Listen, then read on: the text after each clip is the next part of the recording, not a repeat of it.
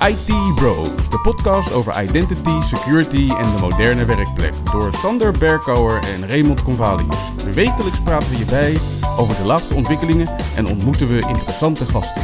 Volg onze podcast op Spotify of iTunes en stel je vragen op Twitter, ITBrosNL. Ik ben Raymond Convalius. En mijn naam is Sander Berkouwer. Welkom bij aflevering 37 van seizoen 3 van de IT Bros podcast.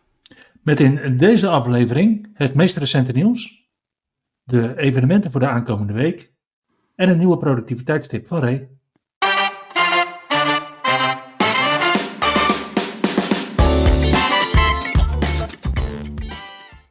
Het is alweer oktober en het is ook alweer de tweede week van oktober, dus het was weer tijd voor Patch Tuesday. Ja, zo noemen we het niet meer, hè? Maar inderdaad, er waren weer updates in het Microsoft-ecosysteem. Op dinsdag 10 oktober adresseerde Microsoft 103 kwetsbaarheden. Ja, dat, dat aantal dat, dat fluctueert altijd een beetje. Er ligt er een beetje welke website je kijkt. Maar Microsoft heeft er 103 geadresseerd. Google heeft er in Chromium ook één geadresseerd. Dus daarom dat sommige websites inderdaad 104 stuks rapporteren. Mhm. Maar het waren volgens mijn berekening 103 kwetsbaarheden die werden geadresseerd, waarvan drie zero-day kwetsbaarheden. Lopen we natuurlijk altijd eventjes samen langs. Dat zijn CVE 2023-41763 voor mensen die nu nog steeds Skype for Business gebruiken. Het zullen er niet veel zijn, denk ik zo. hoop ik. ik. Ik hoop het. Ik hoop het. Ja. Voor de elevation of privilege kwetsbaarheid die daarin zit. Dat is een beetje een ironische kwetsbaarheid. Dat die nu als zero-day kwetsbaarheid wordt aangeduid. Want Florian Hauser heeft deze kwetsbaarheid al in september 2022 gemeld. Het heeft Microsoft er niks mee gedaan. Oké. Nu ineens. Oeh, Mhm. Zero-day kwetsbaarheid. Oké. Dan hebben we CVE 2023-36563. En dat is een information disclosure kwetsbaarheid in WordPad. Oké, dat is toch dat product dat ze binnenkort gingen afschaffen? Ja, precies. Dus hoeveel mensen gebruiken dat dan nog? Oké, we zijn er weer. Mhm. En dan hebben we CVE 2023 44487. En dat is de HTTP2 Rapid Reset aanvalsmogelijkheid.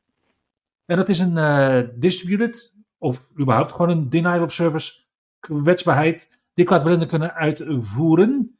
En die wordt sinds augustus misbruikt, onder andere tegen Google. En die melden een recordpiek van 398 miljoen requests per seconde. Dat had ik gelezen, ja. Ja, nou ja, mocht jouw Windows Server of Windows installatie dat gewoon aankunnen, dan hoef je deze patch niet met alle grote spoed uit te rollen. Maar ik verwacht van niet. Het uitrollen van deze patch is trouwens niet genoeg. Er moeten ook nog eventjes registersleutels worden gezet. Om je voorkeur aan te duiden hoe je met dit soort aanvallen wilt omgaan. Dus vergeet dat niet. Kijken we dan naar die 103 stuks, dan zien we de volgende onderverdeling naar soort kwetsbaarheid.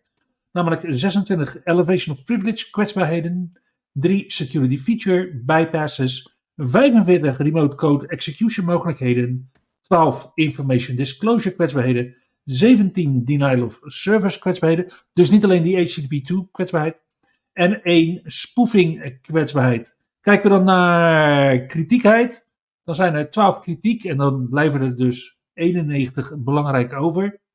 Net als die van eh, Google, die was ook slechts belangrijk, famous last word. En als we dan kijken naar de top 5 of 6 producten, dan zien we dat vooral Windows Message Queuing is aangepakt. Daar werden 20 kwetsbaarheden deze maand geadresseerd. Windows Layer 2 tunneling 9. SQL Server 6. Skype for Business 4. eh, Waar bother. Goed. Windows Deployment Services en Windows TCP IP. Allebei 3. En er was natuurlijk Patch Tuesday. Maar dat betekent dat er niet alleen updates, maar ook nieuwe functionaliteit voor Windows 10 en Windows 11 werd geïntroduceerd. Ik begin even met de populairste, namelijk Windows 10. Daarvan. Oh, sorry, maar ik daar gras. Sorry. Anyway. Komt zo meteen. Ja, ja, ja. Oké. Ik weet KB 5031356. Die biedt naast al die mooie geadresseerde kwetsbaarheden ook verbeterde zoekmogelijkheden op de Windows taakbalk. Nieuwe iconen voor nieuws en interesses op diezelfde taakbalk. Excel stopt niet meer met werken wanneer je bestand als PDF deelt in Outlook. Handig. Het touchtoetsenbord opent nu weer altijd in plaats van soms niet.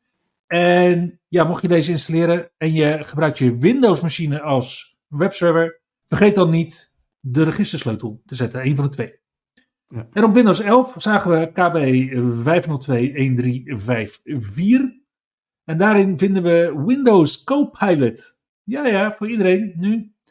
Je kunt nu applicaties op de taakbalk niet meer groeperen. En je kunt volledige labels tonen. Dus mocht jij zo'n onwijs breed 49 inch scherm hebben. waarin je vindt dat je taakbalk leeg blijft, sla je slag. Deze laatste versie van Windows 11 kent in het Windows Share venster nu ook Outlook. En uiteraard vinden we in deze versie, jawel, jawel, gewoon met Windows Update, Windows 365 Switch. Nou, dit is dezelfde update die we vorige week bespraken als de Moment 4 update. Ja, Die dus nu gewoon voor iedereen beschikbaar is met Patch Tuesday. yep. Ondertussen zijn de Windows Insiders ook nog bezig geweest. Uiteraard kwamen ze vlak na onze vorige opname met een nieuwe build in het Canary Channel. Daar kwam build nummer 25967 uit. Met een nieuwe settings homepage met een aantal kaartjes erin. Onder andere voor recommended settings, cloud storage, personalization, Microsoft 365, Xbox en je Bluetooth apparaten. Op de homepage van je settings window dus.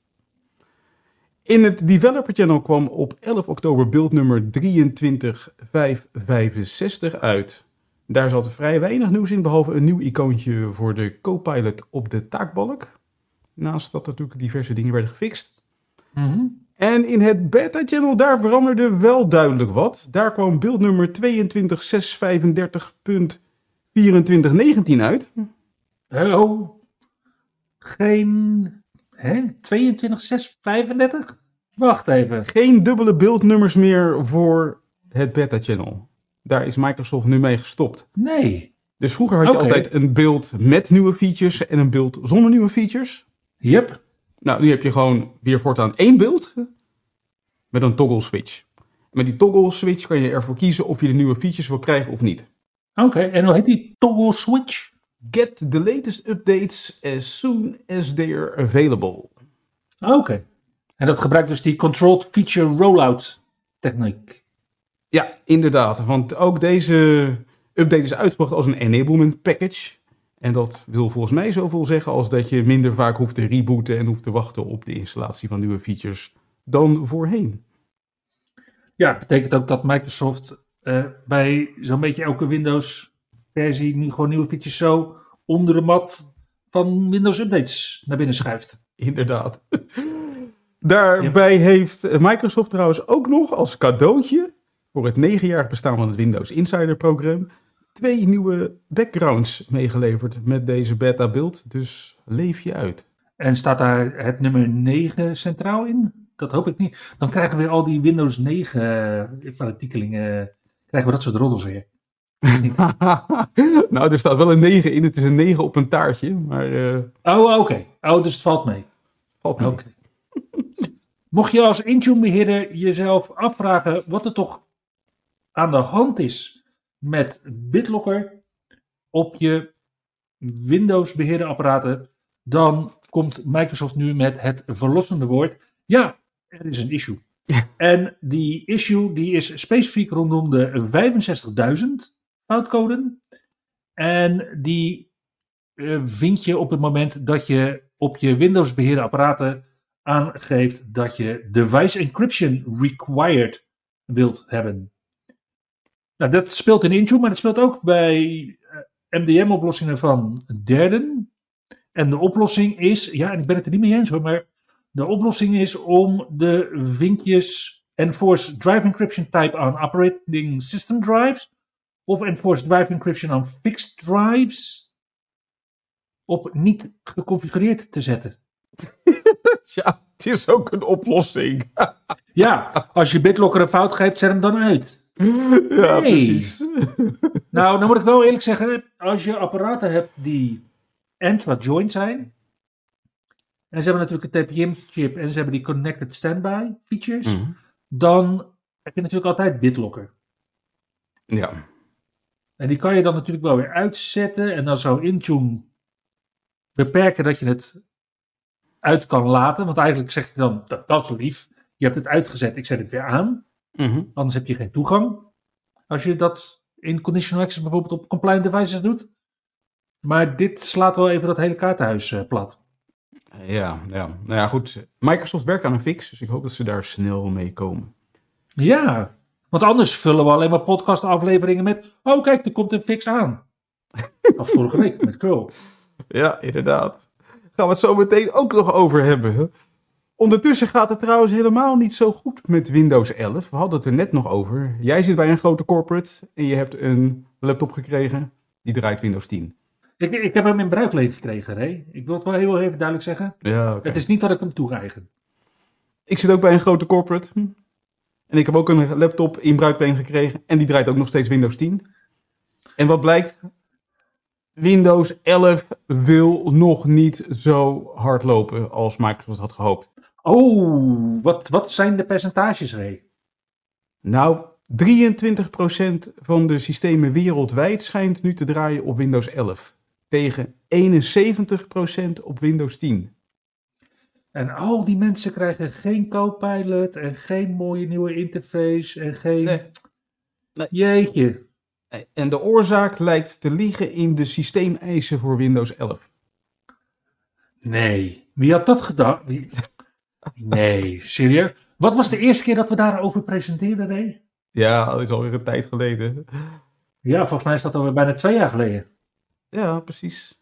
Nou, het blijkt dat nu nog steeds 32% van de hardware die met Windows 10 draait, niet geschikt is voor Windows 11. Dat percentage is trouwens best hard aan het zakken, want een jaar geleden was dat nog 42%, dus er is al 10% vanaf gegaan. Nou ja, als je thuis Windows 11 draait en je denkt, nou die hardware eisen, dat hoeft van mij niet. Blijkt trouwens vrij makkelijk omheen te kunnen worden eh, gegaan. Als je de setup start van Windows 11 met setup.exe, dan kan je de parameter meegeven slash product spatie server en dan controleert hij niet op je hardware eisen. Leuk voor thuis, niet voor de corporates. Juist. Juist. Je hoorde het hier niet. Wat je hier wel hoorde, is dat WB-script gaat wieberen. Dat wordt binnenkort in Windows een feature on demand. En VB-script is, echt mensen, het is oud. Dit stamt nog uit augustus 1996 qua oorsprong. En ja, eigenlijk was het al wel uit in Internet Explorer L. Internet Explorer. Ken je die nog, nog, nog? Nou, sinds juli 2019, dus dat is ook alweer vier jaar geleden. Mhm. En nu gaat het dus echt uit, uit. Ja, Ja, het is weer minder mogelijkheden om malware inderdaad eh, uit te voeren. ja. Ja, en dan moet je nagaan. Het is dus nu in oktober 2023 is het bekendgemaakt dat het in een future release van Windows gaat verdwijnen. Ja, de vraag is dan eigenlijk, wat, wat denk jij Ray, voor of na augustus 2026? Dan is het dus 30 jaar in Windows geweest. Ja, nou ja, ik schat in eh, moment 5. Oké, toch al heel vroeg. Dat is over een jaar ongeveer. Ja. En Microsoft is ook natuurlijk bezig om NTLM te laten wieberen. Ook Mhm. daar is nu een officieel bericht over uitgegaan. Ja, die is nog wel wat lastiger hoor, mensen. Maar ja, wie weet. Ja. Dus NTLM gaat eruit? Ja, Oeh, die is wel lastig, ja. ja. ja vooral in een omgeving met Active Directory trusts. Precies. Ja, we gaan zien hoe dat gaat gaan. Ja, steeds meer, steeds meer foutmeldingen in de logs, natuurlijk. inderdaad. Om maar eens mee te beginnen. En daarna pop-ups en daarna tips in het startmenu. En daarna, ja, ja, wat je normaal ziet hebben Microsoft tegenwoordig. Dit is alleen techniek. Hoe ga je, hoe ga je mensen uitleggen wat NTLM is? Ik bedoel, Mark Manessi had een uur nodig om Kerberos überhaupt uit te leggen. Ja, inderdaad. Ja, het zijn goede oude tijden. En in die goede oude tijden gebruikten we nog Windows Server 2012 en 2012 R2. Ja. En die zijn ook exit deze week. Ja, nou ja, als je net in je eigen rekenruimte of bezemkast draait. Want je kunt er natuurlijk nog steeds wel gewoon ondersteuning op krijgen bij Microsoft als je het in Azure draait als native virtual machine. Ja, of als je heel, heel, heel dik betaalt om het nog gesupport te houden de komende tijd. Ja, maar mensen toch. Windows Server 2012 en 2012. Kijk, ik begon met lesgeven hè, op deze besturingssystemen. Dat was echt super gaaf. Echt officiële Microsoft lessen. En daarvoor uh, wiebeden we allemaal maar wat aan. Mhm. Bij mijn werkgever toen de tijd. Maar ja, ik, ik vind het nog steeds een, ik vind het nog steeds prachtige. Nou ja, nou ja. Gebruikte jij eh, Start is Back op Windows Server 2012 bij 2 Ray? Nee, dat heb ik nooit gedaan. Dat onzalige pixel links onderin, waar je dan, als je het in een VM draaide, met RDP eh, heel erg naar aan het zoeken was. Ja, ja, ja precies. En dan moest je daar weer linksmuis op knikken. Dat, ja, dat, nee. Maar als je goed nagaat, volgens mij is het 12 jaar geleden ongeveer dat dit OS is geïntroduceerd. Dus eh, het was ook wel tijd dat het een keertje richting de uitgang zou gaan. Ja, maar in de basis is Windows Server helemaal niet zo heel veel gewijzigd in de afgelopen jaren. Mm, Nee, maar ja, 2012 en 2012 R2 waren. Ja, er zit toch ook alweer, zit toch ook alweer een hoop verouderde technologieën in hoor, inmiddels. Ja, ja, ja. Kijk, en, en vergis je niet, Windows Server 2016 ehm, gaat natuurlijk ook uit mainstream support. Ja. Dus het schuift allemaal lekker op. Klopt. Nou ja, goed. Ik zat laatst achter een machine op Windows Server 2016. En toen realiseerde ik me dat daar gewoon nog een control panel in zit. Ja. nou, wat was, je, wat was je aan het doen op Windows Server 2016? Nou ja, ik zat bij een corporate en daar was ik eh, een machientje tegengekomen. Die draaide nog Windows Server 2016. Ja, ik kom ze heel vaak tegen nog hoor. Ik, eh, maar ik moet altijd kijken. Je kan natuurlijk met WinVer kan je natuurlijk zo kijken wat het is. Eh, maar ik vind als je rechtermuisknop doet of Windows X, dan her- herken ik Windows Server 2016 nog steeds wel aan de bovenste optie Programs en Features. Want dat is natuurlijk in 2019 en 2020 is dat apps en features geworden. Mhm, ja. Maar verder, ja, zie ik het verschil bijna niet. Nee, Maar goed, dat maakt upgrades natuurlijk ook makkelijker. Al zou je dat, denk ik, voor domeincontrollers niet echt willen. Nee, maar goed. Waarom zou je een domeincontroller gaan in-place upgraden? Nou ja, stel dat je de 180 hebt. Ja, Ik noem geen namen, bij wat voor grote corporate dan ook. En het moet voor een bepaalde datum af. Ja, dan is het eh, wel een soort stapgap. ja. Maar hoeveel moeite kost het nou om een nieuwe domeincontroller te deployen? Ja, hey, ik zeg ook niet dat ik daarna eh, ook heel graag even mijn handen wilde wassen. En nu ik het zo uitspreek, denk ik ook van, oh jeetje, ik, eh, ik, dat spoel ik dadelijk wel even weg. Maar ja, soms zie je gewoon dat je door bepaalde onhandige keuzes daar ineens mee geconfronteerd wordt. Oké. En dan moet je wat. Ja, dat blijkt wel. En zeker als je dan hebt gewacht tot de end-of-life datum van je Windows Server 2012 machines. Ja, en je toch niet het idee hebt dat je als organisatie gewoon alles zo kan liften, shiften naar eh, Azure om daar zonder problemen verder te kunnen. Hm. Mogelijk. Over eh, Azure gesproken. We mogen het Oh, geen ja. Azure meer noemen. Nee. Maar eh, Entra had ook alweer wat nieuwigheden afgelopen week, geloof ik. Ja, er werden in de afgelopen maand, dan hebben we het dus over september, een aantal nieuwe features geïntroduceerd in het kader van Microsoft Entra. Wat zit het allemaal in Microsoft Entra, mensen? En als we dan kijken naar de generiek beschikbare features, dan zien we dat we tegenwoordig verwijderde enterprise applications en application registrations, ook wel service principles, kunnen herstellen Hm, nice. dat we nu de admin portals in conditional access specifiek kunnen selecteren. Dus als jij zegt van ja, ik, ik vind eigenlijk niet het probleem dat iedereen bij het Exchange Admin Center kan, maar het Entra Admin Center vind ik wel wat gevoeliger. Nou, kan je dat tegenwoordig in Conditional Access doen. In plaats van dat je daar de Azure Management voor hoeft te gebruiken. En wat we natuurlijk zien is Web Sign-in voor Windows. Ja, daar hadden we het vorige week al over. Het is Ja. terug. En ik heb me er nog niet in kunnen verdiepen. Er was wel over geschreven door Microsoft, zag ik. Zeker. Ik vind het wel heel interessant, eerlijk gezegd, nog steeds. Dus, eh, wat weet jij al? Dat we de features hadden zoals we die hadden in Windows. En dat hebben ze toen uitgehaald. En dat hebben ze volledig herschreven. Oké, en nu hebben ze dus veilig geïmplementeerd, zeggen ze. Ja, ja, ja. Wat is veilig?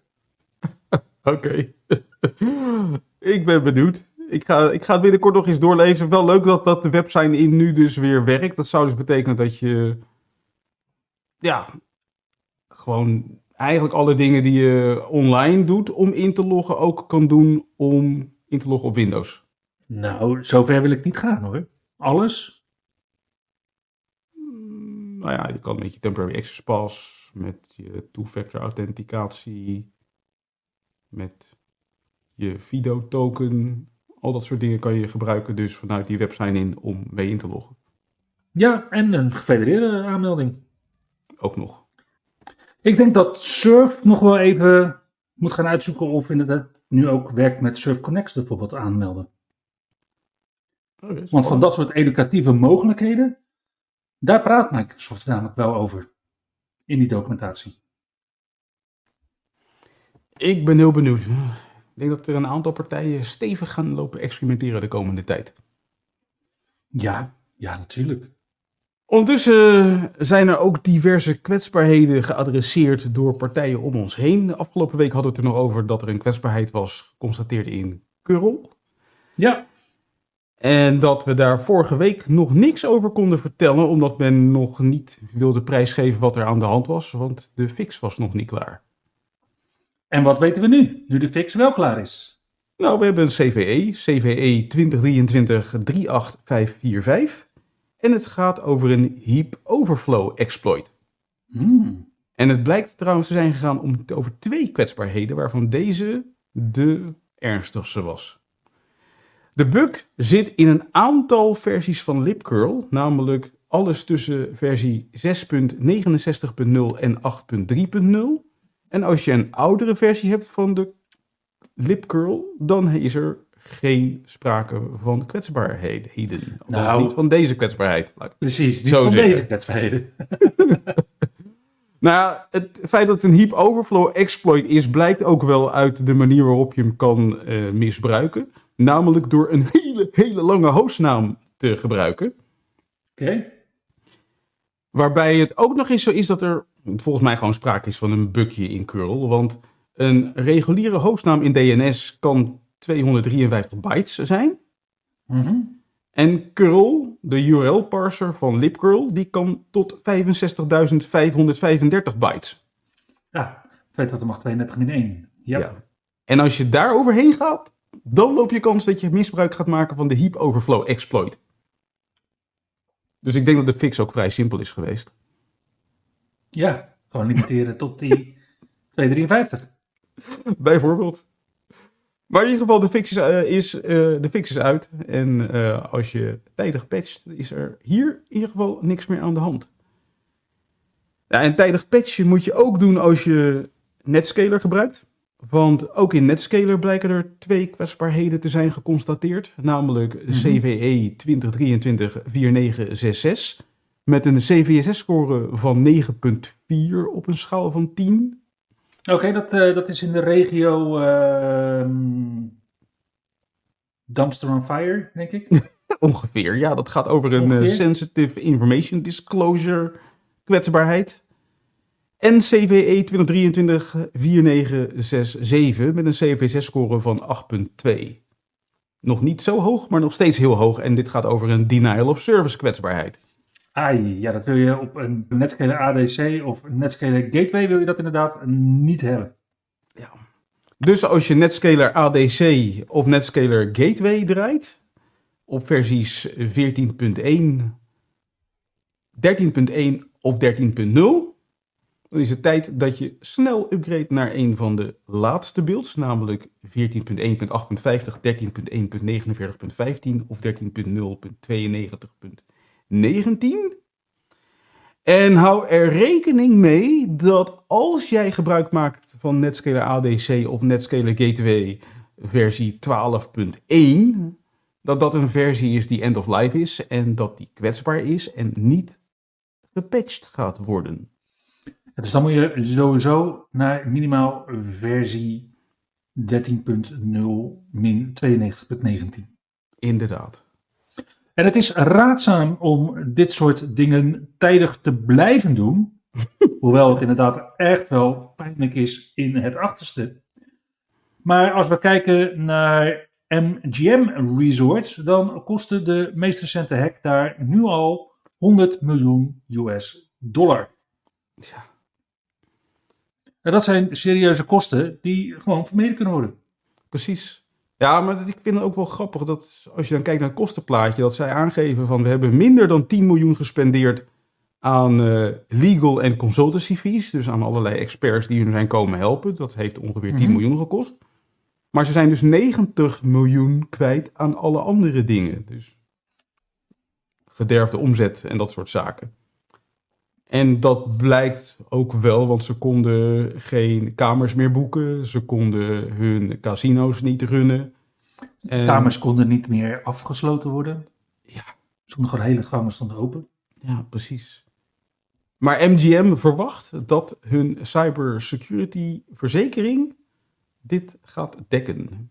Ja, want ze zijn binnengekomen via de helpdesk door een medewerker te imiteren. Inderdaad.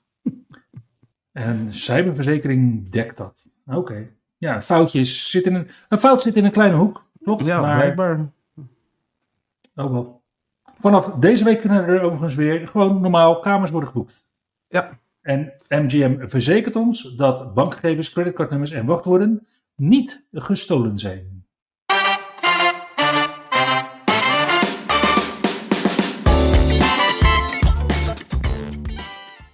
Kijken we naar de evenementen voor de aankomende week, dan zien we drie fysieke evenementen. Het begint donderdag 19 oktober met twee evenementen, waarvan er één op Schiphol en één in Kortrijk. Het evenement op Schiphol is een evenement van de Azure Platform Engineering, oftewel de APE. Begint om 5 uur met inloop en eten. En daarna presenteren Koen Turk en Colin Slim van de Schiphol Groep over Enabling Technology, Our Journey Towards a Thriving DevOps Platform. En na een korte pauze van een kwartiertje presenteert Erwin Staal van Xpirit over Infrastructure as Code on Azure, Bicep tegenover Terraform tegenover Pulumi. En dan vanaf kwart voor negen tot half tien kun je genieten van een borrel. Bij MC2MC in Kortrijk ben je welkom vanaf 6 uur. Dus waarschijnlijk als je op hetzelfde moment vertrekt, kom je op hetzelfde moment aan bij een van deze twee evenementen. Omdat mogelijk Kortrijk iets wat langer rijden is. Dan zie je vanaf kwart voor zeven een sessie van 55 minuten van Frank van Hamel en Peter Bergmans over navigating purviews, sensitivity labels, data loss prevention en blending it with Teams, SharePoint en Power Platform AI Copilot. Mondvol. Dan, ja. ja, het is de langste titel die ik eh, ooit heb gezien. Zo, eh, ja, volgens mij hou ik nog steeds wel het record van kortste titel ooit. In ieder geval bij KNVI. Oké. Die was maar zes tekens lang. Je nog TPM, WTF. Ja, precies. Nou, dat was heel lang geleden. Ja, mooi man. Daarna is er een 55 minuten sessie over a spaceship autonomously door Xavier Gering. Die is een Microsoft Azure MVP. En na een korte break is er een sessie van Sven Antonissen en Dirk Gullentops. En zij heten je welkom in the realm of modern and intelligent communications with Microsoft 365. En dus niet met Skype for Business, denk ik dan. Uiteraard is ook hier een borrel ter afsluiting. Op zaterdag 21 oktober kan je dan ook in België terecht op de Collab Days Belgium in Brussel. En deze dag zal geheel in het teken staan van Microsoft 365 met een focus op Power Platform en Azure.